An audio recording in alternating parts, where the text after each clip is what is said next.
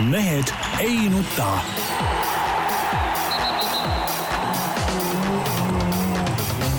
mehed ei nuta. selle eest, et mehed ei nutaks, kannab hoolt Unibet, mängijatelt mängijatele. tere teisipäeva, Mehed ei nuta eetris nagu ikka. Tarmo Paju Delfist, tervist! Peep Pahv Delfist ja Eesti Päevalehest, tervist! Jaan Martinson Eesti Päevalehest, Delfist ja igalt poolt mujalt.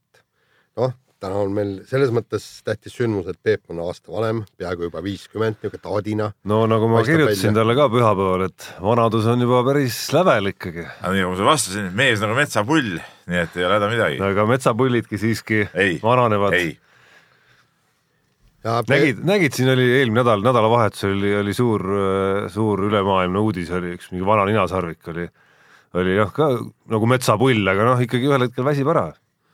jaa, aga vaata, mina olen maa peal vähemalt viiskümmend erinevat Jaanist, kes nagu tööturul nagu alla surutud äh, olukorras ja ütleme diskrimineeritud, mina, mina seda veel ei, ei aga sul on kaks aastat ainult no, aega. no ma saan kaks aastat veel nagu ütleme siin möllatada. aga sa tunned seda, seda allasurutust ei, nagu, absoluutselt, kogu aeg, kogu aeg tunnen kohe, kogu aeg on koorem õlgadel ja kogu aeg sapsin ja olen nõus ka mitte isegi raha eest töötama, olen nõus peale maksma, et saaks tööd teha Jaa, nagu jaa. kõik viiekümnesed. muide, Peebul tuletan seda sulle pärast meelde, kui me sinna oma nurka tagasi läheme.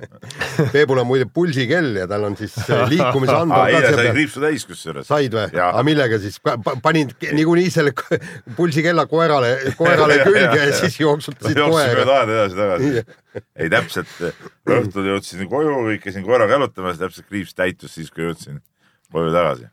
ahah, aga kas saiakesed ja muu, muu niisugune maguskraam äh, saiakesed läks,, saiakesed läks pole ka muuseas ühtlasi kunagi, saiakesed pole kunagi minu menüüsse no Coca-Cola näiteks no Coca-Cola, see on suhkruvaba, mida ma joon. Zero. no selge, küll ma aga saan, saan, ütleme muu maius, kompvekid, šokolaad, vot see nagu läheb peale. ma saan aru, et äh, alustasid ettevalmistust ikkagi äh, ma ei teagi nüüd milleks, kas meie suviseks jõuprooviks Gerd Kanteriga, noh, selleks me pole muidugi Gerdiga veel kokku leppinud sellest. peaks nagu kaalu juurde võtma võib-olla, et seal tekiks nagu see no natuke teravust on ka vaja ikka. noh, teravust on piisavalt, keeleteravust. üks, mille me eelmine saade ära unustasime muidugi oli, oli Peebu õnnitlemine veel ühel teisel teemal siiski, kuigi võib-olla on see ka kaastunde avaldus, mis puudutas äh, tema suure sõbra Volodja presidendiks taasvalimist, kuigi natuke ime, imeks saime panna siiski seda, et, et kuidas need protsendid nii madalaks jäid ikkagi. madalaks. no see on sada on ikka nagu ei, õige ei, see on, see on normaalne, aga öö, kas keegi vaatas selle ei välis nüüd siis?, kas keegi välisilmadest vaatas ei vaadanud jah. soovitan üle vaadata, see Välisilma viimane saatelõik oli siis nagu eh, laulud Volodjast, seltsimees Putinist, ikka päris raju. See oli täitsa uskumatu raju tegelikult, no seda soovitan kõigil vaadata. aga samas, Tarmo, ma tahan sulle ka öelda seda, et, et me protsendid jäi väiksed ilmselt seetõttu, et no ei olnud kandidaati ju tegelikult Putinil ja tegelikult ei olnud ju tõesti väärilist kandidaati. mitte see, küsimus ei ole mitte selles, et, et, et Putin valiti sinna. ei no aga kuidas, kuidas ei saanud ikkagi sadat protsenti, Peep, noh. no ei saanud noh, või noh ei, see on demokraatia, vot see näitabki, et Venemaa on nagu avatud riik ja demokraatlikud valimised toimuvad. aga ma enne kui me läheme spordimajandile, ma tahan siin siinkohal äh, esitada väikse kaastundeavalduse ka äh, meie heale sõbrale Kalle Pallingule, kelle töö on tõesti Riigikogus nii raske ja, ja nii intensiivne, et äh, kuluhüvitiste, kuluhüvitistest välja ei tulnud, pidi ise peale maksma oma komandeeringutele, et, et noh, tõesti, tõesti tunneme kaasa ja, ja soovitame valida siis ikka siukse töö, kus, kus tööandja ikka kõik nagu komandeeringud kompenseerib. ja, ja teine asi on see, et, et võib-olla üleriikliku korjanduse Kalli, Kalle Pallingu hüvanguks. aga miks ka mitte, ja, ja, miks ta on nagu spordisõber ka, eks ole, peame teda ikkagi hoidma, ta on ju Kelly Sildaru suur toetaja, peame teda hoidma, nii et, nii et eh, teeme tõesti siukse üleskutse, et et eh, Kalle, sa kuulad meid nagunii, saada pärast see arveldusarve number, me paneme oma Facebooki üles ja siis inimesed saavad eh, komandeeringute kulu katteks ja ütleme, esindus lõunasöökide katteks siis nagu raha. nii nagu me kunagi kahevõistleja pihosid jah. kuule, aga siit on veel, veel üks parem mõte, miks ta ei võiks nagu reklaame kanda? vaata näiteks ta ju aita-, aitab. millega seal Riigikogus istudes seal reklaamid on rinnas, jah. ja, ja, ja ülikonna peal jah, absoluutselt. õppigu suusatajatelt. Ta ju suusatajatele lähedal seisev isik. jaa, täpselt. nii, aga aitab pallingutest ja servidest räägime võrkpallist, kus on ka muidugi pallingud ja servid. nii, Saaremaa krooniti siis äh, võrkpalli Baltikumi tšempioniks ja nippa-nappa läks muidugi. et äh, noh, ütleme ausalt, et oleks tahtnud üllatust, oleks tahtnud Pärnu, Pärnu võitu, aga noh, paraku läks nii, aga see on puhtalt mu personaalne ja ei, arvamus. mina oleks ka tahtnud Pärnu võitu, sest et ikka on nagu vaata enda silmis nagu selge, et eh, soosikut ei ole, sa oled natuke nõrgema poolt ja, ja selge see, et Saaremaa oli nagu koosseisu poolest üle, uus klubi loodud, rahad taga, meeskond hästi komplekteeritud, noh, nad pididki võitma, aga see, et Pärnu tegi asja põnevaks, no siin müts maha Avo Keele ja, ja tema jüngrite ees. no meeskond, mis seal salata, Eesti oludes on ikka uskumatult äh, hästi komplekteeritud, et olgu see eelarve kolmsada tuhat või, või nii nagu nad ise ütlevad umbes või nelisada tuhat, nagu Aavo Keel räägib või väidab või arvab või nagu võrkpalliringkondades arvatakse, et et see on ikkagi ainult kohalikus liigas mängimiseks, okei okay,, Läti, Läti ja nii-öelda lõunanaabrid on ka siin pundis, aga no see on ikkagi meie kohalik liiga. ja, ja veel arvestuse juures, et eh, Eesti parimad võrkpallurid on kõik ju välismaal ikkagi mängimas ja võrkpallurite palgad, ütleme noh, noh, on ikkagi pisut väiksemad kui korvpallurite omad näiteks, siis see on ikka päris, päris korralik summa, olgem ausad. see on väga korralik summa. no aga ma jaa, ütlen, ma juhin tähelepanu seda, et näiteks korvpallis ei oleks sihuke- siukest trümfi saanud olla, nagu Saaremaa praegu võrkpallis tegi, et et loodi klubi kohe meistriliigas, võidab kohe ära, korvpallis ei saanud uued klubid meistriliigasse. et noh, siin on see väike vaks vahet.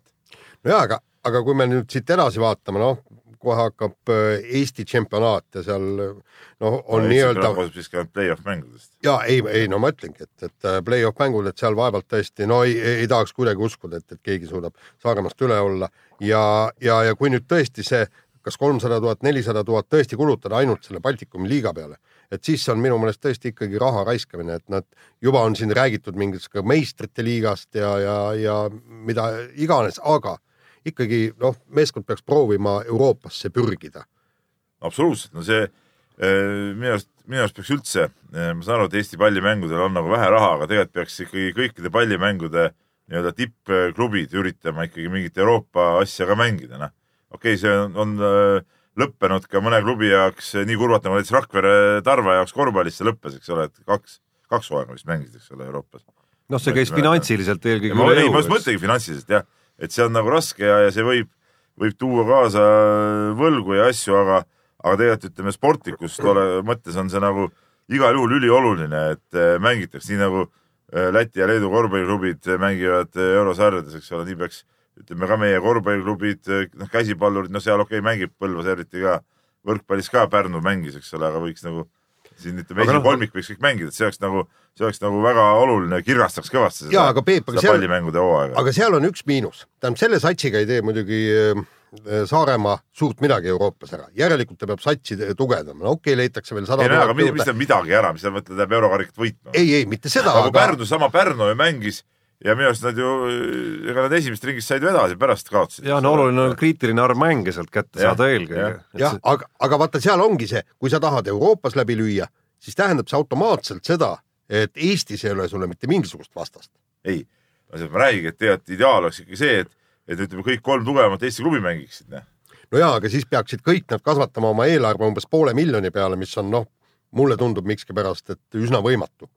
Aga Noh, sa nagu arvad, et ei peaks mängima Euroopas? ei, ei peaks küll, aga ma ütlen, et, et siin on plussid ja miinused kõik. ma ei näe miinuseid siin, ma ei näe mitte ühtegi välja arvatud tõesti see, et see rahakulu on lihtsalt nii suur, et sul võib tekkida endal nagu finantsraskused. no, no aga see, et, et kui, kui üks tõesti hakkab tõesti domineerima, võidab kõik mängud kolm aga, aga Ei, praegu no kor seal- korvpallis on ju Kalev Cramo on ju selgelt ülekomplekteeritud kõigelt, noh, jumal tänatud, et ta seda VTV-d mängib, et on jaa, mingi normaalne sari. jaa, seal on lihtsalt see vahe, seal on see vahe, et äh, Kalevi jaoks VTB palju seal on, kakskümmend neli või kakskümmend kuus või mitu, mitu iganes mängu seal täpselt on. No et võrkpalli eurosarjas võib, võib vabalt nii olla, et sa esimeses ringis saad tappa ja see ongi läbi sinu jaoks.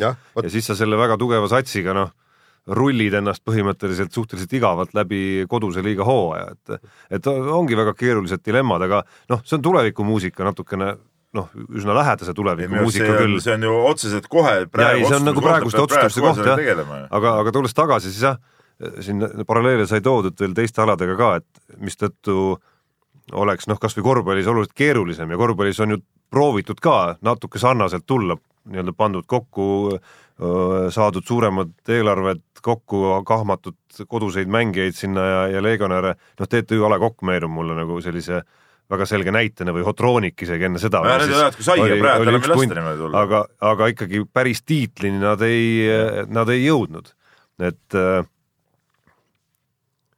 jah see, see, see mõte oligi siin praegu. ei, ei no nii on, aga selles suhtes, kui me nüüd räägime nagu äh, ka mänguliselt, siis äh, Saaremaa suudab mängida ka ikka atraktiivselt nagu seda võrkpalli ja see mäng, finaalmäng ise oli ju ikka väga kõva. noh, ja, ja just, just, mul see mõttelang lihtsalt katkes ära praegu, mis ma tahtsin öelda just, et mis selle Saaremaa puhul on oluliselt sümpaatsem võrreldes kasvõi sellesama näitega, mis ma korvpallist tõin, on see, et et justkui küll pandi nii-öelda nagu täiesti uus asi püsti, aga seda ei pandud ikkagi nagu tühja koha peale püsti. et see pandi ikkagi püsti kohale, kus esi, esiteks oli võimalik nii-öelda oma kodukandi mängijaid hästi palju eh, kahmata sinna võistkonda ja tuua kokku kus käib ka ikkagi mingisugune noortega tegelemine. ma küll kahjuks ei ole väga hästi kursis nüüd praegu, et kuidas nende noorteklasside seisud seal praegu on no et, ma ei tea, Saaremaalt ikka mängida on kogu aeg tulnud. no kogu aeg on tulnud, aga, aga Võrkpalliliidu kodulehekülg äh, Aita Aita ma praegu tahaks teha, kahjuks siin saateks äh, valmistudes äh, ei aidanud väga palju selles osas, et seal oli noortekoondise infosid aastast kaks tuhat kaksteist näiteks. Oli võimalik leida, kui minna mõne vanuseklassi koondise nii-öelda info alla, aga, aga see selleks. Ja, ja mis on nagu teine pool seal veel, Saaremaa rahvas on ju selle nagu metsikult omaks võtnud, kogu selle võrkpallisatsi. see oli ikka korralik äh, rahvapidu, ma arvan, et ma kahtlustan, et, et ei ole vist keegi teine isegi võimeline nagu nii puupüsti saali praegu täis saama Eesti võrkpallis. no mingi tuhat viissada pealtvaatajat oli minu arust. ja aga, aga. ei sa... no saal oli puupüsti täis. see on väike saal. seal ei mahtunud, ega, ega siis äh, Pärnu saal nüüd oluliselt suurem ei ole. ei, Pärnu saal on kindlasti suurem no mitte Pärnu saal on siis kahepoolse tribüüniga, mida Saaremaal ei ole. aga, aga no, no see on nagu jah, sihuke tühi, tühi asi, et, et aga jah, ei, see on vägev, et see saal oli täis ja, ja, ja et see, see kohalik huvi, ütleme Kuressaare-suguse linna kohta on see huvi ikkagi väga kõrge. Ei no jaa, aga me ärme võta seda Kuressaaret, võtame kogu Saaremaa, sest see on kogu Saaremaa meeskond ja see on tegelikult esimene oma meeskond meistriliigas mängima, sellepärast et see jalgpalli ei, võrkpallis aga sa mõtled Saaremaa? Saaremaa, Saaremaa mõistes. ja, ja, ja sellepärast, et me see Kuressaare jalgpallisats, no vennad ju elavad ja treenivad Tallinnas. see on täitsa mõttetu variant muidugi. nii nii, aga jalgpallist põgusalt ka siia otsa, Eesti jalgpallikoondis on vägeval turneel praegu Kaukaasias. täna mängitakse Gruusiaga. Ja takt-, kat-, katsetati siis uut äh, taktikat, kuidas hakata palle vastaste väravasse rohkem rööma ja ründama rohkem. aga Armeenia vastu peab ütlema, et veel väga välja ei tulnud. ütleme Jerevani Ararati maagia nagu ikkagi lõi üle Eesti, noh, see on, üks on ikka vana liidu kõrgliiga meeskond ja teine on lihtsalt äh, teise liiga meeskond, kui hea kui sedagi. ütleme niimoodi, et vaatasin seda mängu ja, ja mõtlesin, et, et mille pagana jaoks need väravad seal üldse on, kummal, kummalgi pool, sellepärast et. et no, see vähemalt... puhtana hoida, Jaan ei, ja okei okay,, Eestil võiks olla äh, värav, aga siis äh, Armeeniale ei oleks vaja olnud mitte mingisugust väravat, sellepärast et Eestil ei toimunud mingit mõtestatud rünnakut. ja kõik oli seal kaks ründajat oli, seal oli skeem oli tehtud, eks ole, kaks kolm, viis süsteemis mängiti. ja aga, aga ma ei saanud aru, aga ei, aga ma ei saanud aru, mida nad, mis asja nad seal äh, ajasid seal jalgpalliväljakul. sellepärast mina olen jalgpalli harjunud ikkagi vaatama, noh, vaatad siin Inglise liigat ja vaatad meistrite liigat ja seal on niimoodi, võistkond ründab kõike, vähemalt e, noh, pooled olukorrad lõpevad ikkagi niimoodi, et, et midagi sinna värava suunas nagu tehakse paraku meil nagu seda, seda ei olnud, kas, kas keegi võib sealt välja tuua ühe niisugune poolmomendi no ma ausalt, ma seda mängu tegelikult ei näinud, kui päris aus olla. aga no eks see. olen kõik lugenud kõiki pärast siis kokkuvõtteid sellest, aga. aga no eks selge on ka see, et seda taktikat võib ju muuta ükskõik mis pidi, mis iganes vangerdusi seal teha, et lõpuks on sul ikkagi mängijaid vaja, kes on suutelised neid võimalusi looma. ja no see, et Eesti koondisel on värava tõmbamisega raskusi, no see on juba ju noh, see on juba teada teema, eks ole, ja, ja, ja see, see on ju suureks takistuseks, eks ole, kaitses mängitakse päris hästi, tõepoolest noh, ka siin suurte vastu on ju mängitud kaitses kohati päris hästi, jätame need suured kaotused, mis siin sai esimesed sammakad kätte, pärast seda on ju kaitse ju saadud väga hästi pidama aga see oma väravate löömine on see kõige suurem. aga, aga öelge, kas nüüd Pole siis. Pole niisuguseid persoone kes lööksid. ei no jaa, aga kas, kas siis Jerevan, Jerevani Ararat on siis nii-öelda ehk siis Armeenia on siis tõesti nii suur, et tema vastu peab nagu betooni mängima või? no ega ei mindud ju betooni mängima, mind ikkagi ju, mingid ikkagi ka uut taktikat katsetama, aga okei okay,, see, see antud juhul noh, mingit tulemust ei toonud. Samas, Armeeniast ei äh, maksa muidugi rääkida kui mingisugusest kotipoisist, et seal olgem ausad, oli päris kõvasid mehi väljakul siiski. ei no olgem ausad, nad, ma räägin, nad juba liidu ajal olid ikka kõrgliigas, ükskord sai pronksi ka.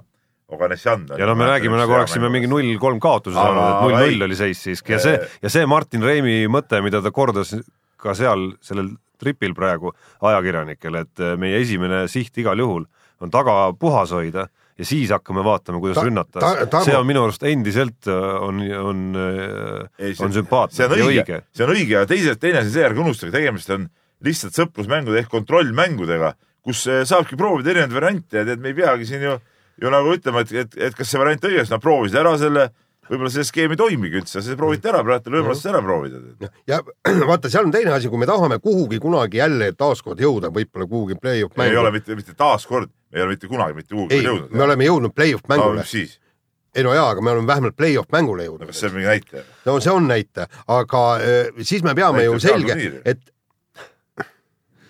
siis äh, suurte vastu me peame nulli tõesti taga hoidma ja proovime mängida kuidagi, kuidagi viigid välja vingerdada, aga väikeste vastu me peaksime või siis oma, omasuguste vastu, me peaksime kindlasti need võidud kätte saama.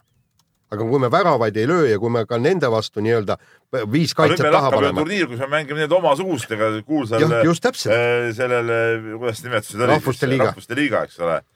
Soome, Kreeka, kes üks, üks veel oli Ungari.? Noh, see on ju meie grupp nii-öelda nagu, kui me sinna saime, et seal endasugustega peaks mängima no just ja, ja, ja, ja seal on tõesti, vaata, kui sa mängid kõik, kõik mängud null-null viiki, kuus mängu, noh, ma arvan, et sa ei pääse eriti äh, kõrgele ega kaugele. täna on muide Gruusiaga mäng. grusiinid ja ei, ma ütlen, et, et Gruusia ju loputas ikkagi Leedut päris äh, võimsalt. seal vist enam neid Kipianid ja Šengeljad ja need ei mängi enam vist või? ega vist, ma ei tea ka, pole ka kaua aega pole midagi eriti vaadata või? teagi rohkem mänge, tead vanad Tbilisi Dünamot, tean, kui nad võitsid seal kaheksakümnendatel. aga miks sa neid olümpiamänge vaatasid üldse? ega seal ju ka ei olnud, ei olnud seal Vladimir Smirnovi enam ega kedagi. Vegard Ulvangit ei ole ja Marja-Liisa Kirvesniemit ei ole muuseas neid vanu kaheksakümnendate olümpialasi paremini kui, kui sa küsid mul, kes, siin praegu sõitsid, ma kindlasti tean neid nimesid vähem kui neid, kes kaheksakümnendatel sõitsid. ma ei tea, mis pull sellega on. no see on üsna tavaline siis. ma tean ka neid vanu jalgpallureid eh, palju paremini, noh. ma võin Tbilisi Dünamo kaheksakümnendate koosseisust praegu seitse-kaheksa nime rahulikult no aga Peep, aga siis sa vaatasid jalgpalli tähelepanelikult ja kogu aeg, aga praegu noh, ma arvan, et sa ei jõua lihtsalt äh, oma pilku jalgpalli nii palju hoida, kui sa tahad. nii, kuule, aga lähme nüüd järgmise teemaga edasi ja, ja kiire vahemängu juurde ja näed sa, näed sa, õed Luiged plaanivad ka Tokyo olümpial tantsu lüüa. kas ka, ka, kas ka joosta, seda ei tea, aga tantsu kindlasti no.. ma loodan, et seda sellist eh, palagani rohkem ei, ei juhtu või siukest, ütleme Eesti spordi ka natuke häbistamist. tantsu võiks nad lüüa siis, kui nad saavad, ma ei tea, esikümnest tulevad seal kõik kolmekesi või on mingid noh, põhjust nagu lipuga seal. ah kuule, Peep, ei kuna- olnud see mingi kuna nad, häbistamine. kui nad üheksakümnendaid ja sajandaid kohti saavad ja siis lipuga seal tantsivad, siis see on nagu, see on nagu Eesti spordi taseme äh, häbistamine igal juhul. No mi- sul oli piinlik või? no ei, mis, mis seal siis nüüd häbistamist on? mul ei ole, mis piinlik, mis asi, minu piinlik, ma räägin seda, Nad et, said- et see nad ei ole said- kohane. Nad said täiesti auga, ausalt olümpiamängudele, see ei ole kohane. nad ei saanud sinna mingisuguste, ma ei tea, mis hädaabi kohtade või mis asjade sajanda näol. kohaga ei ole kohane lipuga vehkida ja tantsu lüüa, väga lihtne. eriti kui sa oled veel üks veel katkestanud, ülejäänud sajanda ei kohaga., ei tegelikult võib, näiteks kui sa oled tõesti Eddie Eagle ja hüppad, kui, kui Briti suusahüppe rekord on nelikümmend kuus meetrit, sina hüppad nelikümmend seitse meetrit ja viimase Nad ei olnud ju sellest parteist, kes eh, sinna oleks pidanud võitma minema või medalid hankima Ei, minema. ja no kui mine- maratoni jooksus jaa, ja aga kui maratoni jooksus ongi ära, ära, ära esine, ja ära kui maratoni jooksus ongi tegelikult nagu võetud põhimõtteks, et me laseme ikkagi ka noh, peaaegu rahvasportlasi sinna nii-öelda, päris siis- nii muidugi ei ole, aga siis noh, selles mõttes normide mõttes, et, et, et, et sa ei pea olema ikkagi nagu aga ei, ma ütlen, palun väga, ega mul selle vastu midagi pole, et keegi seal jookseb, aga see palagan, mis sinna juurde pärast võeti, see oli see, mis, mis ei sobinud mitte kui, kuskile. kui, kusjuures ma ei tea, kas te lugesite täna, meie lehes on ju suur pikk artikkel kõik lugesin, et kui ne-. nad kolmekesi ei pääse, et seda neljandale ise ostad pileti ja tulevad minu arust päris niimoodi ka olümpiamängudele. no just, noh, täpselt, no see, noh, kuulge. tähendab ühesõnaga, et, et me murrame sinna mängudele igal juhul, isegi siis, kui me või isegi kui kohti ei ole meil. jah, aga, aga seal on, sellega ma olen nõus, nad on kaubamärgid, eks. no ja ega see, ma natuke imestan, et, et, et nad kuidagi praegu veel ka kaubamärgina üritatakse neid kuidagimoodi nagu, nagu no see nagu praegu teha on lihtsalt üks PR-kampaania, sa saad ise väga hästi aru sellest. et noh, natuke tundub, et võib-olla see, see aeg ikkagi sai Riia olümpiaga mööda. et oli, eelmine jah. hooaeg ju sportlikus mõttes ka ei andnud mingisugust nagu nagu tähti mingit õhtul,, mingit jätku sellele eduloole. Ivo Linnamäe, kes see laulis seda? ja, ja kusjuures seal artiklis oligi, oligi märgitud, et, et see spordiajakirjandus nagu ei võta kogu seda kampaaniat ja kõike seda väga tõsiselt, aga tõesti, sellepärast et meie ju vaatame sportlikke tulemusi. meie ei vaata seda PR-kampaaniat, see on Elu24, et, et sinnapoole palun pöörduda, nemad võtavad kõ- kõik, kõik uudised ei no siin äh, vastu. meie hea kolleeg ütles ju täna, et äh, sind vist ei olnud, et et äh, mis sa üldse kergejõustikliidust või EOK-st raha küsid, küsigu EAS-ilt, noh. ei, absoluutselt, noh jah, täitsa õige. projekt, noh. nii, aga vahetame teemat ja Rahvusvaheline Autospordiliit äh, muutiski siis äh, pärast kahte MM-etappi ralli reegleid ära, mis puudutab punktikatset ja, ja seda sahkerdamist, mis mõlemal esimesel rallil, ütleme kahel rallil siis, on järjest äh, aset leidnud, kus hilinemistega tehti endale parem stardikoht, ehk siis äh, tegi otsuse, et äh, kes viimasel päeval ajatrahve saab, see punktidele ei pretendeeri. no põhimõtteliselt täpselt Lihtne. selle, täpselt sellesama ütles ju Peep siin välja, nii et, et noh, ma ei tea, kas nad kuulasid ei, aga aga nüüd see see on oli varemgi, me oleme siin varemgi öelnud asju no seda ei ole mis siin noh, jah, no me võime praalida muidugi siin, aga me võime siin muidugi praalida küll, aga eks neid ütlejaid oli, oli siiski maailmas veel. ei ole mina näinud. isegi Chris Meek ütles seda näiteks. see Miik, Miik kuulas ka veel meie saadet. aga nii lihtne see oligi ma pean siiski tunnistama, ma ütlen täiesti ausalt, vist siin saate-eetris äh, midagi sarnast ütlesin siiski mina esimesena ja Ei, mina ei, ütlesin seda sellepärast, et ma lugesin, et Meek pakkus selle välja, see tundus täiesti ideaalne lahendus. oh ei tea midagi. Ja kusjuures meie, mõtlesime seda enne kusjuures no kummaline, sina mõtlesid enne, mina, mina, mina lugesin Meeki sõnu, aga noh, Peep muidugi mõtles ammu seda, see. kusjuures kummaline, et pärast Monte Carlo rallit, kui Ogier selle trikiga hakkama sai, et, et kohe eh, seda reeglit eh, vastu ei võetud, et ju nad siis mõtlesid, et noh, et, et äkki, äkki teised nagu on kuidagi tagasihoidlikumad, tühjagi. no aga Ott sai oma punktid kätte, nii et ei, selles suhtes on kõik hästi jah. kuigi siin nagu väike nagu ebakõla nagu on, et, et ütleme, Ott ja Ožeer on äh, saanud oma punktid tänu sellele kätte, aga teistel seda võimalust nagu ei teki, eks ole. no ebaõnn. ja aga mis teha, ei, no te olete mõistlik muidugi, et see ära lõpetatakse. nii, aga tuleb välja, et Eestil on siis nüüd äh, uus parim äh, suusataja ja see ei ole mingid murdmamehed ega, ega muud vennad, vaid seitsmeteistaastane meesuusataja Tormis Laine on siis FIS punktide järgi parem kui kõik Eesti murdmaasuusatajad kokku. no absoluutselt, no nii ta tuli välja. Nüüd viima-, viimane eile, eile avaldati järjekordne FIS punktide tabel ja, ja Tormis Laine on seal tõesti väga edukalt eh, esindatud ja, ja veel eelmine, eelmises tabelis oli Karel Tammjärv temast eespool, aga paraku nüüd on siis niimoodi, et, et tõesti Tormis Laine kaotab, FIS punkt tähendab seda, et kaotust võitjale, viie parema võistluse eh, koefitsiente, kaotusprotsent ja, ja siis eh, noh, no minu meelest on see mingil määral näite, sest kui murdmamehed kogu aeg räägivad sellest FIS punktist, et va vaadake, kui tähtis see on, vaadake, kui oluline on ja selle järgi saab teha suuri järeldusi, siis, siis ma arvan, et tõesti kogu aeg ta, ta liigub, ta liigub äh, maailma tipule lähemale ja seal on üks väga hea näite. praegu tal on äh, punkt oli vist mingi kakskümmend kolm kopikatega ja, ja seal on amatööride sari, kus ta on äh, võistelnud ja ta, äh, tänavu ka vist kaks korda võitnud või isegi äh, kolm võistlust võitnud äh, amatööride sarja üks reegel on see, et sa oled amatöör siis, kui su FIS punkt ei ole alla kahekümne. et vot see on nüüd siis see näitaja, mis eristab äh, nagu äh, amatööri profisuusatajast või heast suusatajast, eks. et, et nüüd ma ootan, et, et millal äh, saadakse see FIS punkt alla, alla kahekümne. Ja, ja, ja see on juba äh, niisugune tõsine tase. tegelikult, tegelikult see asi näitabki ära, et murdmaasuusatajad on äh, tagunud kogu aeg valet trummi, et see FIS punkt päris äh, objektiivset pilti ikka vastupidi ei, anna. vastupidi.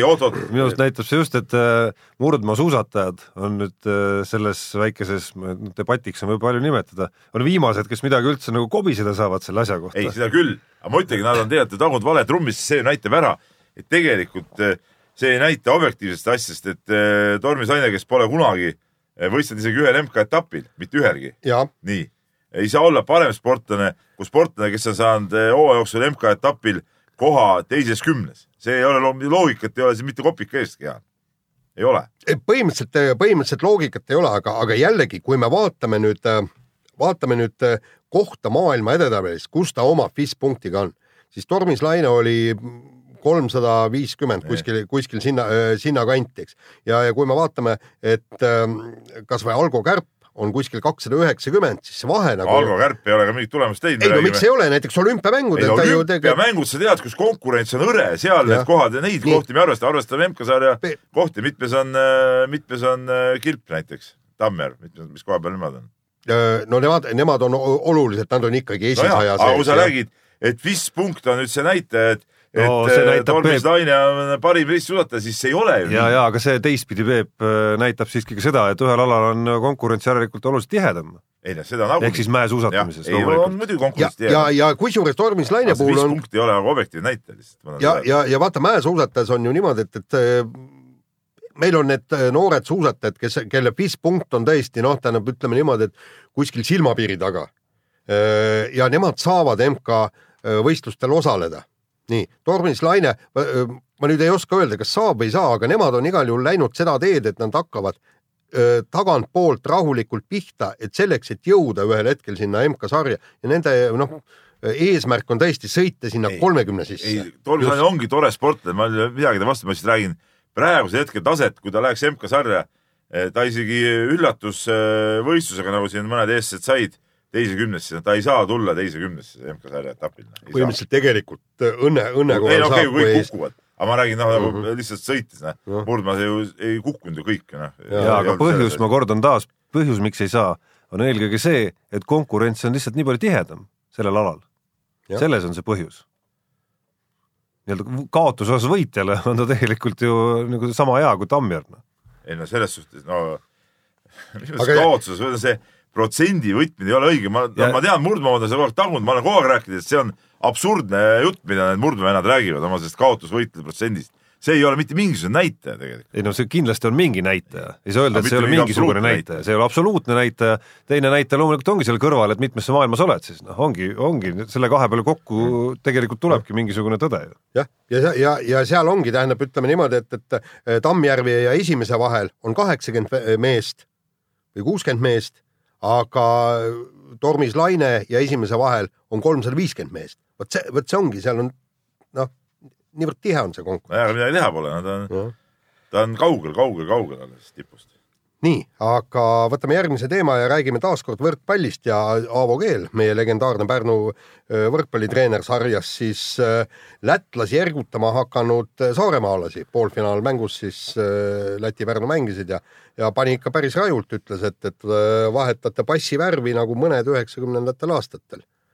et, et ühtäkki saab Eesti meestest lätlased ei no päris huvitav olukord jah, et saarlased võtsid lätlaste ergutamise nagu nii-öelda enda ülesandeks selle mängu ajal, et äh, ühest küljest nagu jah, natuke võib-olla totakas, aga teisest küljest. vastast saada. Noh. jah, see üks, üks, see, nagu, see üks asi. see näitab muidugi, see on nagu teisest, seakari tähendab, ütleme selles suhtes. aga teisest küljest noh, mingi kodune intriig, ega see paha ei tee. ei, no kuule, tegelikult see, kui sa võõra riigi äh, klubi poolt äh, plaksutad, kui samal ajal kui Eesti klubidel mängib, siis see on, see on seatemp, noh tegelikult, noh, see ei ole, see ei ole õige asi, noh. kõigepealt ikkagi Eesti esimesena ja siis vaatame, mis edasi saab. Kusjuures see... ma olen üldiselt nõus, et ma ise elu sees ei läheks sellises duellis nii-öelda nagu lätlaste poolt plaksutama, aga noh, mingi niisugune intriig, et, et võrkpall suutis ikkagi selle nädalavahetusega päris kõvasti kõneainet pakkuda ja, ja kaasa arvatud sellega, mingis mõttes oli nagu lahe ka. nojaa, aga teine asi, vaata, kui sa, kui sa oled ikkagi kirglik klubi fänn, sa oled oma klubi, näiteks Aruküla öö, fänn ja, ja, ja seal on kuskil Balti liigas hakata ükskord mängima, eks.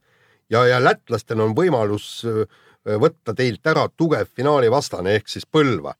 no kas sa ei hakka siis äh, ergutama? ei, Jaan, sest et Eesti värk on kõige tähtsam kõige, hakkame sellest pihta. no ma võib-olla mõttes, ma isiklikult võib-olla mõttes nagu mõtleks nii, aga päris ja, nagu avalikult ei, kaasa elama ei hakkaks. kindlasti mitte, see ei ole nagu õige, kõigepealt pead ikka olema omade poolt et kõik omad jõuaksid. ei no aga need ongi kõrgele. omad, Aruküla omad on ja, ja Vasalemma omad, nemad ongi omad. kuule, aga Põlva on ka oma nagu ikkagi no aga põlv on sinu konkurent. see ei ole nii nagu, ma tean, jalkafännidel on ju ka, et näiteks kui sa oled, ma ei tea, seal ei no jalgpallis, või no maailma jalgpallis, või maailma jalgpallis on see väga tavaline. jaa, aga nagu me ei pea kõiki lollusi sealt üle võtma, selles mõttes asi.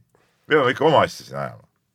nii, aga oma asja on ajamas ka meie võrkpallikoondise raudvara Gert Toobal, kes otsib tööd ja on märku andnud, et et Eesti klubid ka ei peaks häbenema, võivad tema telefoninumbri üles otsida küll ja talle helistada. No põhimõtteliselt Tartu on väidetavalt juba helistanud, et no ma et, usun, et äh, olen suhteliselt kindel, et Tartu ei jää ainsaks, kes talle kõne võtab sellise lause peale. aga no kindlasti ütleme, tegelikult Toobal on, noh, ta vana mees onju, aga tegelikult tema see vorm ja see, noh, ta on, ma natuke võrdlen Aavo Keelega, kes omal ajal tuli ka vana mehena tegelikult tagasi ja mängis siin koduses sarjas veel tipptasemel ju aastaid. no Eesti liigas on noh, noh, kuidas seda võrrelda, aga, aga tegemist on Eesti liiga kohta ikkagi nagu ülikõva mängumehega. ja aga teine asi just on ka see, et, et ta peab saama mängukoormust ja mängukogemust kogu aeg, sellepärast ta ikkagi Eesti öö, koondise põhi, põhisidemängija. Mis on küll mõneti kahetsusväärne selles mõttes, et vaadates tema vanust. jah, aga mis teisalt eh, ei ole kahetsusväärne selles mõttes, et eh, kui me meenutame kõiki Eesti võrkpallikoondise viimase aja tähtsamaid mänge, siis kas kuskil on teile jäänud mulje, et sidemängija koha peal on meil mingi probleem? ei, absoluutselt, absoluutselt mitte, mitte.. muidugi samas selles vanuses, no ma ei taha nüüd kurja välja kutsuda, aga see eh, ütleme, vananemise faktoriga seoses see kukkumine võib olla päris kiire ja järsk muidugi noh, aga, aga aga jah, ütleme, kes nagu võtaks seda rolli üle, ma küll nagu ei tea. aga selles mõttes on kena, et, et äh, vaata, siin on need jalgpallurid, kes kogu aeg plõksivad, et ei no Eestisse ma ikkagi ei taha tulla, ta-ta-ta, kõik muud niisugune asi. vend ütleb rahulikult, hea meelega tuleks mängiks Eestis. no kui sa arvan, oled nii kaua aastaid väljamaal olnud, siis loomulikult sa tahad lõpetada karjääri jälle siin koduliigas. kuule, isegi Jaanus Lillepuu, kes mängis ju Itaalias, eks ole, ja oli tiitlivist medalimees, lõpetas ju Eesti meistrivõistlustel Maardu äh, TTÜ võistkonnas vist, kui ma õieti mäletan.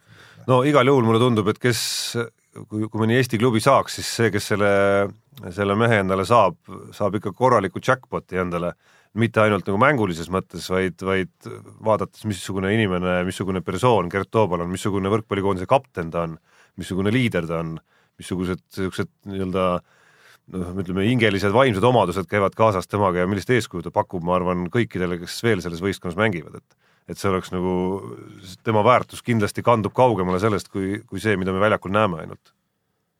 just, nii, nii, läheme kirjade rubriigi juurde ja, ja siin tali, talialad on, on kirjade rubriigis nagu, nagu teoks ja, ja, ja, ja räägime suusatamisest, mis meil eelmisest saatest tõukuvalt on see kiri nii-öelda tulnud, kus siis me rääkisime Eesti meistrivõistlustest ja sellest, et äh, oli teatesuusatamises ainult neli meeskonda ja meil siin kõigil olid äh, äh, omad arvamused, Jaan ütles, et äh, mehi ei ole, juuniorid ja noori ka eriti ei ole ja tsiteerisime siin Peeter Neil olid ka vist võistlused samal jah, kes oli öelnud, et noored on lihtsalt nõrgad ja mina ütlesin, et lund ei ole, siis ei saagi seda ala harrastada.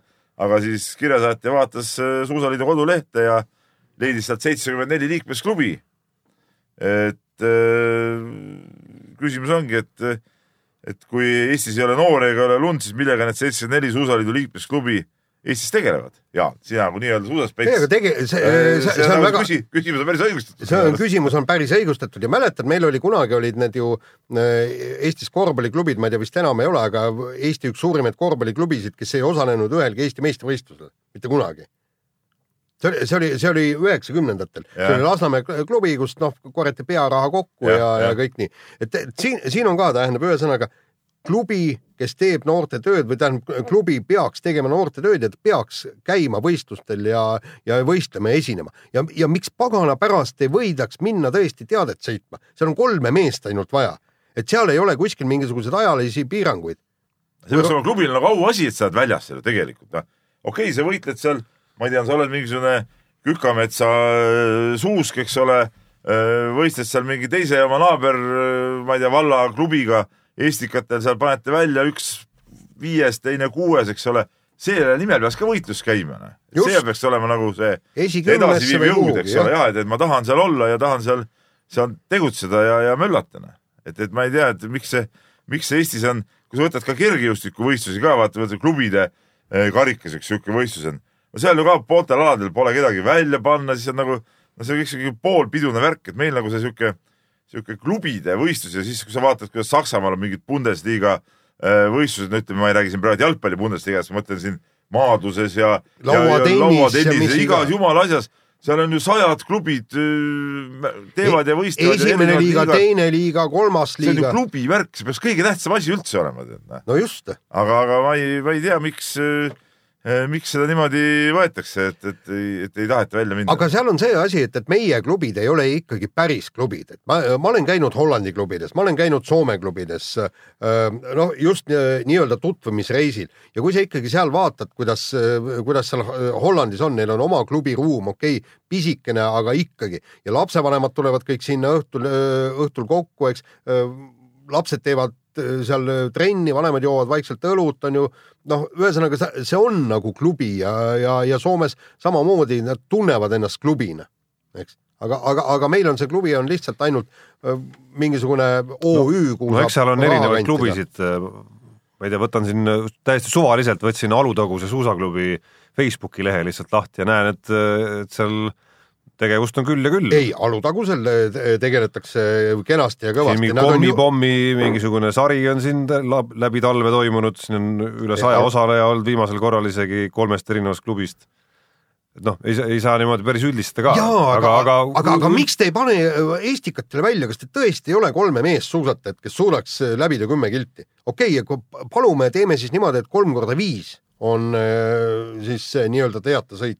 No selles äh, peaks ikkagi äh, suutma. see on piinlik, et meil neli klubi ainult äh, Eestikatel võistleb. ja, ja teine, teine kiri, mis se- sellest samast äh, nagu samast ooperist mõnes mõttes äh, küsib seda, et miks Eesti talisportlased äh, hooaja lõpus ära vajuvad, et, et ei ole murdmaasuusatajad käinud isegi lõpus väljas, kahevõistlejatel, no Ilvesel ka vorm langes, laskesuusatajad ka nagu vajusid ära, et, et, et mis sündroom see on Eesti talisportlastel, et, et hooaja lõppu nagu ei võeta enam tõsiselt, kuigi kogu muu maailma see koorekiht ju käib eh, mööda võistlusi ja, ja võitleb seal nende kohtade eest samamoodi edasi. aga vaata see, noh, mis on Kristjan Ilvese puhul, siis noh, jällegi ma ei ole mingisugune spetsialist ega, ega kindlasti ei oska öelda ja ma ei, ei, ei tea treeningplaane, ei tea eesmärke ja kõike, aga mäletate, Kristiina Smigun vajus ka alati öö, aasta lõpuks ära. Tegi oma tiitlivõistlused ära, siis võib-olla järgmistel etappidel sai paar head kohta ja lõpp oli ikkagi täiesti, noh, ta sõitis endale mitteomaselt kuskil seal esikümne piir, piirimaile, aga, aga, aga kes ta treener oli, eks, Anatoli Smigun, et seal oli, ju siis panustati hooaja e-, esimesse poolde pluss tiitlivõistlustele. ja, ja, ja see hooaega ei kestnud lihtsalt Kristiina ära. no aga see on Eesti sportlaste alati häda olnud tegelikult ju noh. aga kui sa vaatad, ülejäänud maailma tipud alati kestavad ja teine asi, praegu meie murdmamehed ei käinud lõpus enam väljaski noh, see on eriti kummaline minu arust noh.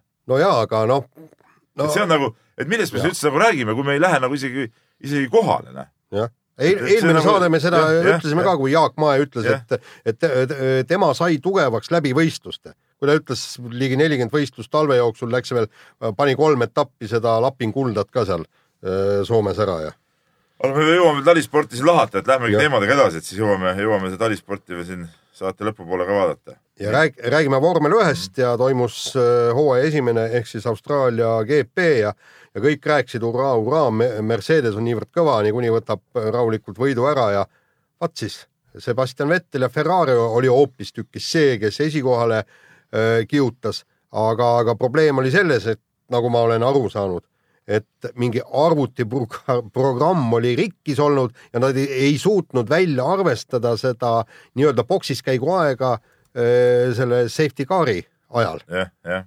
et, et, et mis, mis minu jaoks on ikkagi natukene totter see. on nagu totter, et nagu see sõit nagu ei olegi enam oluline, nüüd on mingi arvutiprogramm, mis juhib kogu seda asja ja, ja, ja siis vastavalt sellele tegutsetakse ja see, kes, kes rinderinnas nagu kõvem mees on, see nagu ei tulegi välja. ja, no, ja see, no ma ei tea, see, see oli lihtsalt ju natuke nagu juhuse mäng siiski, juhus oli see, mis selle nagu tekitas selle olukorra, see, et seal äh, kaks tükki seisma jäid järjest ja ju. nemad andsid selle võimaluse. vandenõuteooriaid ei ole siis nagu arutanud. ei no ma olen äh, lugenud küll jah, neid vandenõuteooriaid, aga tegemist on Ferrari mootoritega masinad, et need spetsiaalselt et siis kuskilt äh, nii-öelda puldiga kuskilt Ferrari, seal Ferrari boksis on pult olemas, millega on võimalik siis äh, nii-öelda oma, ma ei teagi, noh, päris tütartiim see ka ei ole, et et kuidas iganes, iganes me seda Haasi tiimi nimetame, et on äh, võimalik siis puldiga nagu mängima hakata seal, ma, ma ei tahaks nagu sinna, see on natuke nagu kandilise maa jutt juba siiski. ei, aga, aga vaata, seal oli siis, nagu ma sain aru, et, et kogu, kogu jama öö, sõltus sellest, et öö, Vettel sai sealt nii-öelda avariikohast öö, lipsti läbi ja Lewis Hamilton pidi seal hoo, hoo kinni võtma. ja just nii oligi. Ju, just nii oligi ja sealt tekkis see viiesekundine vahe. kas siis, kas siis tõesti see arvutiprogramm ei suuda siis noh, nagu niisugust asja välja, välja arvutada või? või, või teine asi, kas tõesti needsamad tiimiliikmed ei vaata ju telekat või? sealt on ju kõik täpselt ära näha.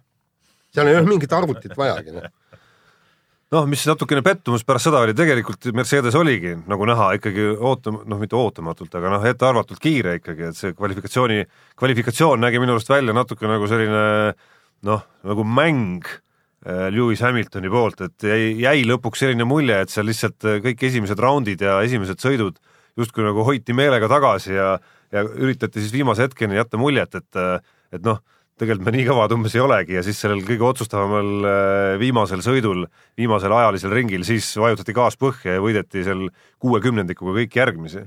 et äh, noh, ma loodan väga, et see vahekord päris selliseks ei jää ikkagi, et et äh, oleks vist natukenegi olnud äh, soodsam rada möödumiste jaoks, siis, siis ilmselt äh, Lewis Hamiltonil ei oleks olnud probleemi see asi ka, ka selles olukorras ära võtta. Tarmo, seal on tegelikult see, et kui su auto on tõesti pool sekundit kiirem, see oli ootamatu tegelikult sellise ülekaalu pealt, et, et nad nagu võistlustingimustes ei, ei suutnud mööda saada ja, ja meenutad, eelmisel hooajal oli ka sama asja, et isegi kui nii-öelda ajalistel ringidel kvalifikatsioonides justkui oli üleolek suurem, siis võistlustingimustes see asi nagu tasandus ära. ja ei, aga see seal nagu nad väitsid, et nad ei hakanud seda mootorit koormama ja sellepärast siis noh, loobusid möödasõiduüritustest. ja vot see on nüüd see teine äh, absurdne asi, et meil on aasta peale ainult kolm mootorit kasutusel ja, ja, ja tõesti, seda tuleb sä-, mootorit tuleb säästa, no kuulge, kallid inimesed, see ei ole võidusõit, inimene ei tule ju vaatama mingit säästu, mootori säästmist. just täpselt, ta tuleb võidusõitu. no sellest oleks tulnud maailma kõige igavam sõit, kui seda Haasi jama ei oleks tekkinud seal. olin ise ärkvel sel ajal, poiss, kes on mul vormelifänn, ärkas ka veel üles, kuigi see ei olnud kõige lihtsam hommikus vara üles saada. ja, ja no see oli täpselt selline nagu noh, seal ei juhtunud mitte midagi no,. oli mõni möödasõit seal üldse? paar tükki oli vist. no teises kümnes. ja, ja seda küll no aga vormeli fännina sa peaks ka seda nautima, kuidas teises kümnes käivad möödasõidud. Äh, ma tunnistan, et ma ei nautinud seda. Äh, nii nagu, kui teemat vahetada, ei nautinud ma ka seda, et äh, korvpalli Balti liigas lõppes siis Tartu Ülikooli jaoks hooaeg poolfinaalis. vale, vale. noh, okei okay,, läheb pronksiseeriaga edasi. jah, no mis muidugi Balti liigas ei tundu väga sellist suurt elevust tekitav sündmus. hooaeg ei lõppenud.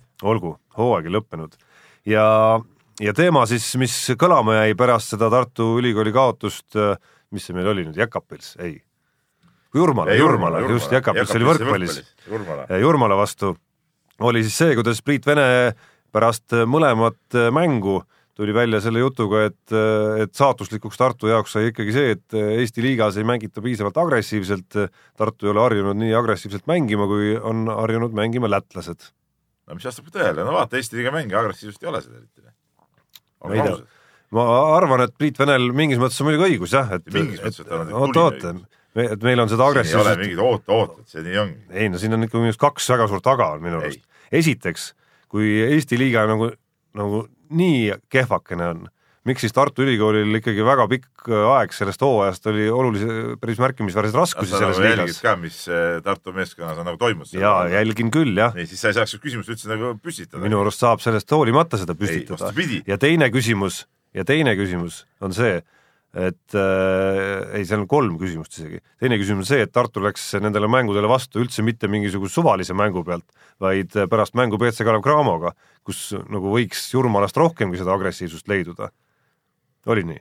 no oli, aga see ja kolmas, ja kolmas, et kes keelab Tartul endal seda agressiivsust nagu eeskujuks teistele Eesti klubidele siis üles näidata. kes siis veel, kui mitte Tartu, kus äh, lisaks, kui sa juba viitasid sellele, mis Tartus on toimunud, ehk siis toimunud on see, et äh, on noormängijaid tulnud palju peale ja on äh, on nii-öelda koosseisus suuri muudatusi toimunud, kus võiks nagu seda ma ei pidanud ainult sellele, ma viitasin võiks... sellele, et miks neil oli hooaja alguse raskusi, oli see, et seal oli ka palju vigastusi ja, ja puuduvaid ja palju äh, palju tühje kohti tuli lappida, et, et nad ei saanudki praktiliselt ju, ju siukest võistkonnatrenni teha, et see oli nagu see küsimus, mis hooaja alguses väga raske, minu arust väga hästi sellest välja tulnud. esiteks, teiseks, eh, nad mängivadki Eestis, kui jätame Kalevi kõrvale, siis teistest selgelt eh, palju paremat korvpalli, et siin nagu, nagu ma ei näe nagu küll ühtegi, ühtegi põhjust nagu teha eh, otsest etteheidet neil sel hooajal mäng, mängude osas. ja, ja miks, miks Eestis, Eestis tervikuna mängitaksegi äh, lahjemat äh, korvpalli ja see hakkab juba noorteklassidest pihta, noh.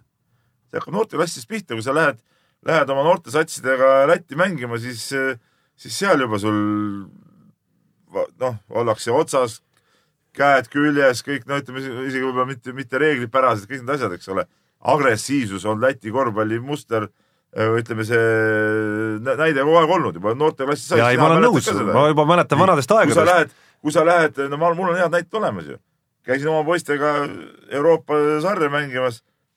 itaallased tulid niimoodi kaitses peale, et eh, pärast seda tulin siin Eestisse, mängisin, poisid ütlesid ka, et noh, aga nagu polekski kaitset vastas olnud, see on- vahe on nagu öö ja päev lihtsalt. noh. see on niimoodi, see tuleb kõik valikutest, mängijate valikutest, sellest, palju sa trenni saad teha, kuidas saad teha, mis mehed sul on ja see kõik, kõik hakkab sellest pihta. kuigi muidugi see ei ole mingi õigustus, et nüüd Eestis ei peagi mängima, muidugi peab, aga, aga paraku, paraku see nii on. jah, ma, ma siiski pean siin hakkab, see hakkab ka sellest pihta kõikidest nendest äh, teatud mingitest piirangutest, asjadest, et kus nagu ei tohi üle välja võtta Eestis ja mingid, mingid siuksed asjad on siin olnud aastate jooksul, mingid imereeglid, eks ole. noh, see on jama tegelikult. ja ma, nagu ma ütlesin alguses ka, ma arvan, et siin jutus on väga palju nagu tõtt, aga, aga mulle, mind ikkagi natukene häiris, et esimese nii-öelda kaotuse põhjusena hakata viitama nagu asjadele, mis tegelikult eh, noh, nii-öelda endast sõltumatutele asjadele, ütleme siis niimoodi. et Tartul, Tartul, Tartul isiklikult ei ole keegi, keelanud keegi seda agressiivsust näidata, samasugust nagu näiteks Urmala. mina leian, et eh, tagumine aeg on ikkagi teha see liigutus ära ja lõpetada see Balti liiga jura ära ja teha see Eesti-Läti ühisliiga nagu võrkpallis ja, ja selle peale välja minna sihuke noh, kaksteist satsi näiteks, kaks ringi läbi tõmmata seal väga-väga okei oleks, ma arvan. nojah, no nii on. Pluss siis veel mingid panevad eurosarju asju, võistkonnad, noh siis oleks nagu ütleme normaalsed, normaalsed hooajad seal. aga kuidas seal on, Lätist oleks kaheksa võistkonda, Eestist neli või? ei, minu arust võib isegi, isegi olla äh, kuus ja kuus, no mis, mis vahet seal, lihtsalt saad lihtsalt nagu, see liiga on selle võrra nagu tihedam ju noh. tihedam ja huvitavam ka. Jah. no sellega ma, sellega ei, ma mina ei olen näe, nõus et, selles, mina, ma ei näe ühtegi miinust selle plaani juures ausalt öeldes, et et noh, kuus võib vabalt olla, kui me näeme, et Valga mängib, saab Läti liigas ju täiesti okeilt hakkama, siis, siis kindlasti saaksid seal hakkama samas- ka Pärnu ja TLÜ Kalev ja ma usun, et ma usun, et TTÜ samas see tippude eh, osa jälle ütleme, need VEF-id, Ventspilsid, noh, need, need on jälle piisavalt, annavad sellele liigale sealt taset ja, ja, ja tummisust nagu juurde, noh. ütleme ka Eesti klubidele. No aga kes- Kalevil oleks huvitav mängida seda. no nii, aga kes seda ühisliigat peaks nüüd looma ja korraldama ja ka Ja, mis meil seal istuvad Saku no, Eesti Korvpalliliit võiks ikka olla esimene, kohatäit tegelasi, kes nimetavad korvpalliliiduks ennast no aga see on siis puhtalt nende erahuvi või keegi peab ju neile selle ülesande andma. kui nad ütlevad, et ei viitsi teha ja ei viitsi. mis jama. see on korvpalliliidu asi. selleks nad töötavadki seal. no kas nad teevad siis või? no ei no see üks mingi teoreetiline variant on, aga no ega siin noh, noh nagu ikka see Eesti korvpallis asjad on. keegi ei tea mis ja kuidas saab jälle. praegu käib suur, suur töö ja arengukava aastaks kaks tuhat kolmkümmend ja ma arvan, et kõigepealt tuleks teha arengukava aastaks kaks tuhat kaheksateist, üheksateist ja siis hakata sealt edasi vaatama. kohe on vaja tegutseda. no jaa, aga kui, kui nad ei tee, kas on mingit? sundijat? ei, sundijat ei ole. ajakirjanduse surve. nojah, hakkame siis äh, lõpetama näiteks oma saateid iga kord loosungiga tehke Eesti-Läti liiga. jah, no täpselt. no tänane missioon on täidetud. nii, aga, aga võtame veel, veel ühe teema siia ja võtame siis äh, vehklemise jutud, just, et ähm, äh, Haapsalu äh, vehklemise siis ema võib niimoodi öelda äh,. Helen Nelis-Naukase ümber on äh, jälle skandaalid, on ilmunud äh, mingite lastevanemate äh, kirjad, kirjad või kiri, kus siis räägitakse, et äh, Nelis-Naukas on halvasti käitunud lastega, seal karjunud ja mingit toole loopinud ja ropendanud ja nii edasi. ja, ja äh, sai ta siis äh, karistada selle eest hoiatusega, samas tegelikult on äh, rohkemate lapsevanemate allkirjadega ja, ja ka endiste õpilastega, praeguste õpilastega allkirjadega kiri, kus räägitakse, et Nelis Naukas on tegelikult väga hea treener ja, ja, ja, ja see kõik on nagu udujutt. No ütleme niimoodi, kui seal nüüd, kui nad seal kirjas eh, nii-öelda pooldavate lastevanemate kirjas on eh, väidetud, et ta ei karju ega ropenda, no siis ütleme nii, et, et me oleme Peep ise kuulnud, et kuidas see asi tegelikult toimub, aga võib-olla ta on peabki, treener peabki karjuma, see on normaalne. no ütleme niimoodi, et, et ma, ma olen ka selle asja peale mõ- mõelnud, aga vaata, kogu värk on ju see, et, et ühele sobib karjumine, teisele ei sobi karjumine, lapsed, ma mõtlen, eks. ja teine asi, et, et sinu asi ei ole karjuda lapse peale vabal ajal. vabal ajal, noh, pole sul nagu mingit, ma saan aru, et, et. Jaan, ei no mis, tõmba nüüd alla, jutt käis ju võistlusreisist ja kui sa ütled, et kui ma võistlusreisi ajal treenerina olles, et, et, et ei pea treener eh, lapsi seal kantseldama, siis sa oled ei asjast väga, valesti aru saanud. ka- ja kantseldama kui vaja, siis karjud, kui vaja, paned kükke tegema, kui on vaja, paned kätekaid tegema, kui on vaja, jah, aga, aga, aga see on, aga see on, jah, aga, aga, aga see on põhjusel, kui teine mingit reeglit rikub või midagi niisugust. nii, jah, aga siin ei olnud ju nagu. aga me ei tea, ega me ei tea, mis Jaa, seal toimus, Nii.. sa oled näinud Nelis Naukast võistlusraja ääres, ütleme valjuhäälselt juhendamas, me ei tea, mis seal toas toimus, ei, ei tea sina okay., ei tea mina. võta, võtame nii võtame nüüd edasi, eks, et noh, ma olen ka treenerina töötanud, eks, ja see selge, et tõesti mõni, mõni mees vajab laksu jalaga tagumikku, et tõesti, kurat, kas sa hakkad ükskord mängima ja ta hakkab mängima. aga teisel niisugune täpselt samasugune räuskamine võtab hoopistükkis masti maha. ja, ja, ja kui me vaatame näiteks siin just äh, kõrval, eks, kes meil on praegu, tähendab juba liigub vaikselt Eesti kõigi aegade pa- parima vehkleja äh, suula, äh, suunas on Julia Beljajeva.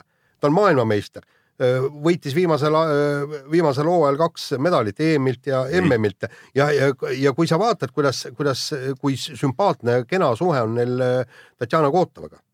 ei ole mingit karjumist, mitte midagi ja, ja temale sobib, ma kujutan ette, et, et hakata Julia Beljajevale, kes on tõesti väga hingeline daam.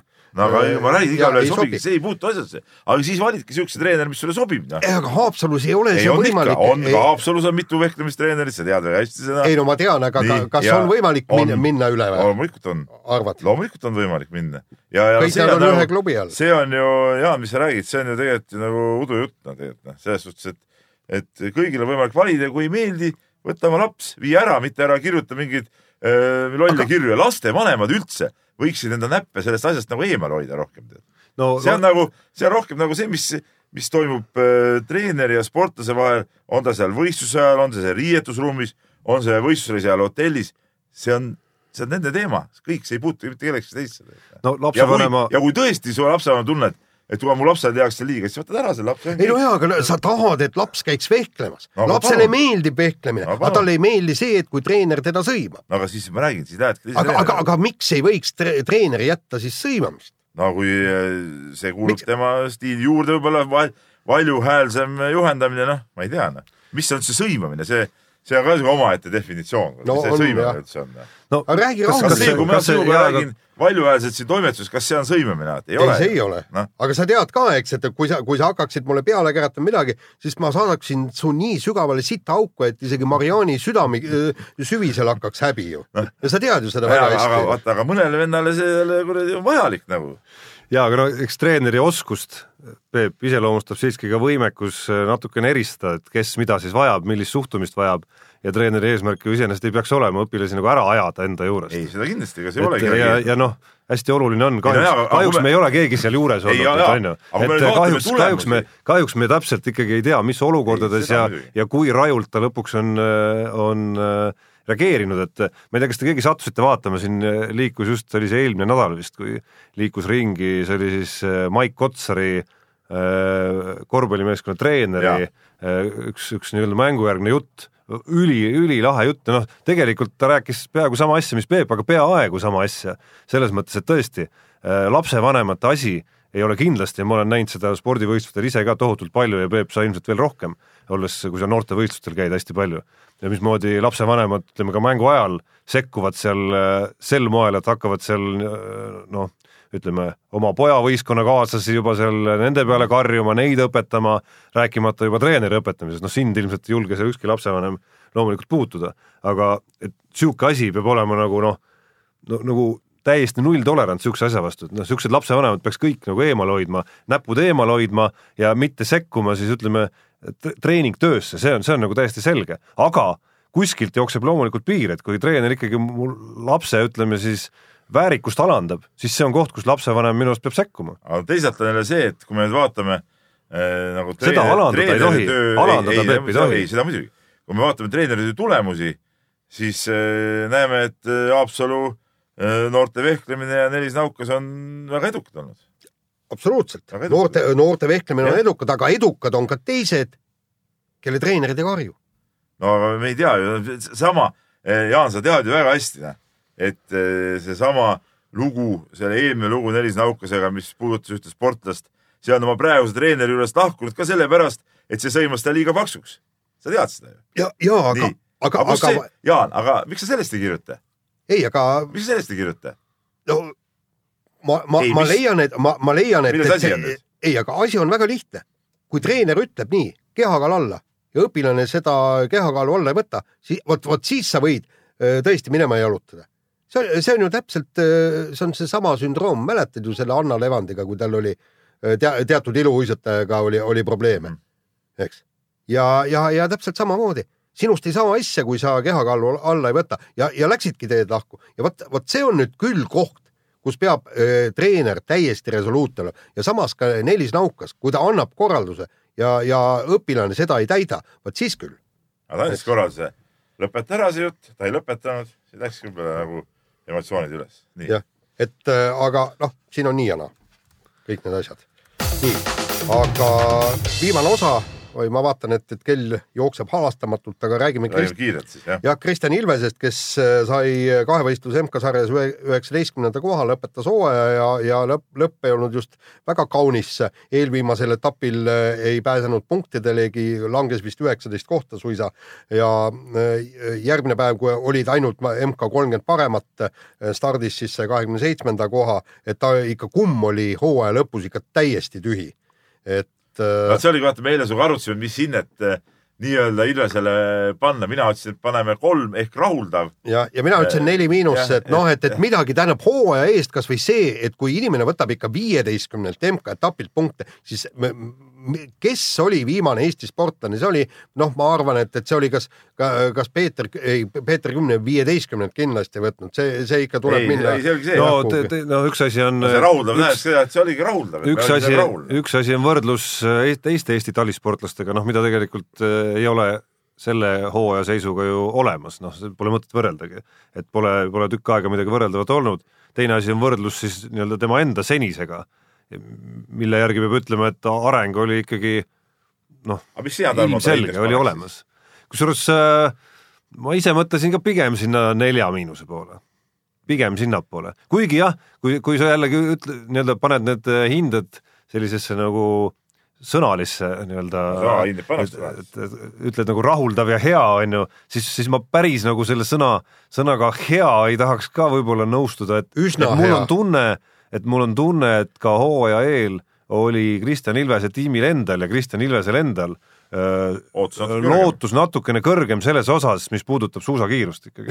No et seesama, seesama nii-öelda suvine, suvine sari, mis iganes see oli, kus ta hästi esines, et, et ka see andis talle, mul on tunne, natukene nagu optimistlikuma pildi. Et see- see on see põhjus, miks see sõna hea natukene võib-olla noh, on nii ja naa ikka selle kasutamine. punkti kohale jõudmisest, siis Jaan, olgem ausad, kahevõistluses, kui me rääkisime siin ennem siin muudel aladel konkurentsi tihedusest, siis ütleme punkti kohale, punkti kohale jõudmise piiri tihedus kahevõistluses on kindlasti veel hõredam kui murdmaasuusatamises.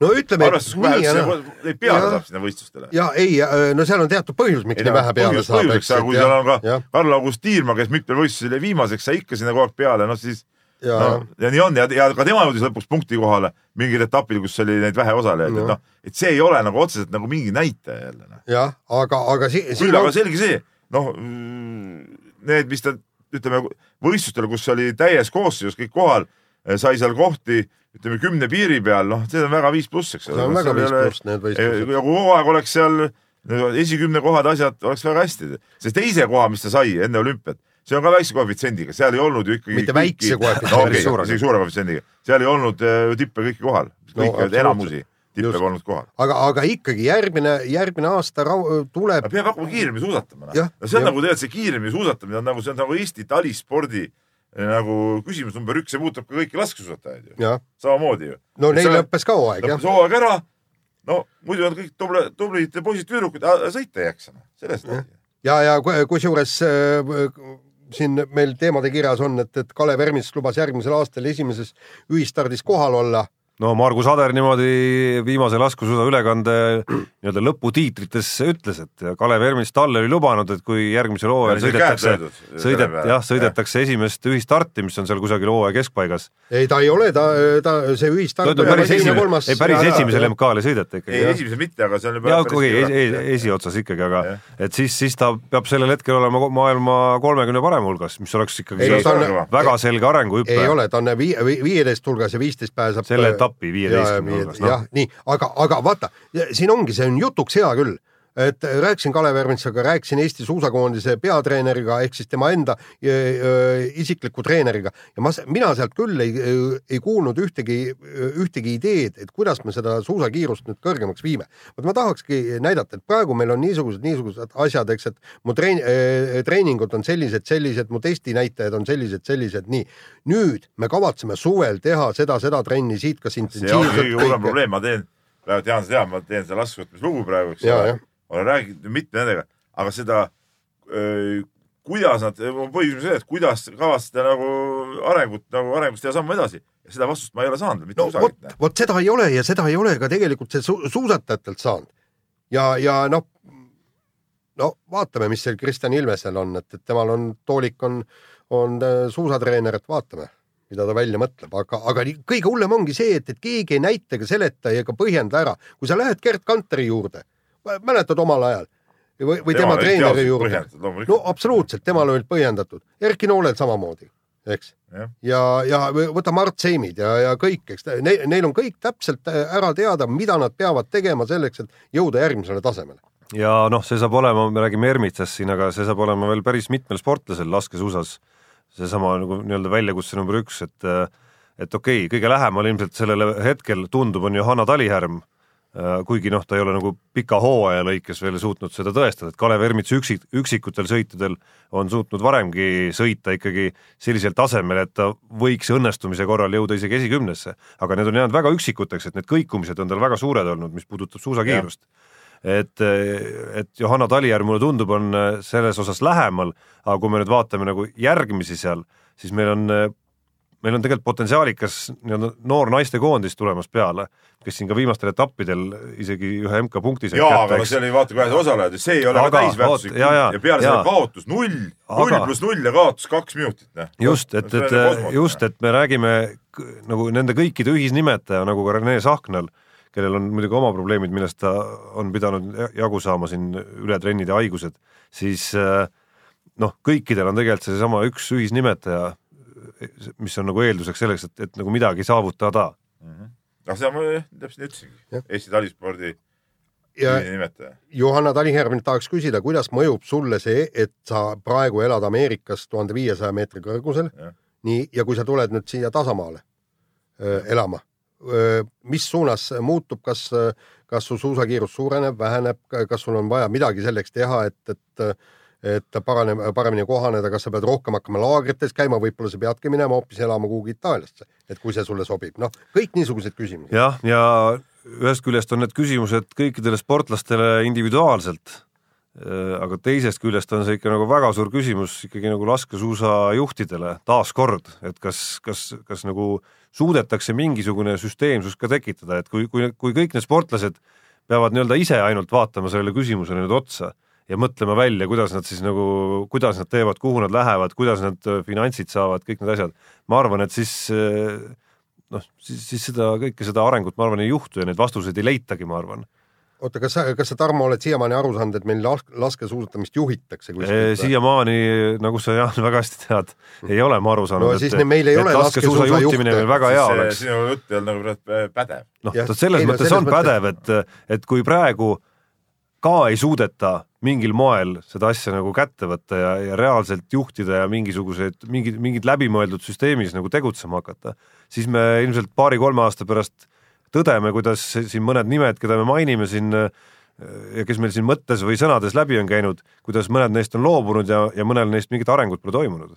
Ja kusjuures perspektiivikas põlvkond, sellepärast nad on võitnud tõesti juunioride klassis nii medaleid, kui nad on näidanud, eks, et nad suudavad maailmaga võita, kui mitte medaleid, siis jõudnud esikümnesse pluss, pluss seal on nagu mingisugune, nad on ütleme sarnases vanuses, kui me nüüd neidudest räägime just, konkurents. nad on sarnases vanuses ja on ka mingisugune nagu tiimi moodustamise võimalus seal olemas et, et kui mehed on siin natukene üksikuna võib-olla siin Ermits ja, ja Sahkna ikkagi, siis, siis seal on nagu lootust, et tekib mingisugune tiim, kes võib-olla nagu läheb ja, ja teeks koos mingisuguse kena karjääri ja kes kuidagi nii-öelda utsitab üksteist pingutama ja noh, kõik need asjad, mis tiimis on lihtsamad kui, kui üksikuna tegutsedes. nii, kuulge mehed, kell tiksub Äh, talv on tulnud Eesti suusatajatele, laskesuusatajatele vastu, praegu on ilusad külmad ilmad, minge suusatage. ja treeni ainult. just, treenige ainult ja, ja, ja ärge minge kohe puhkama, aga meiega kohtute nädala pärast. mehed ei nuta.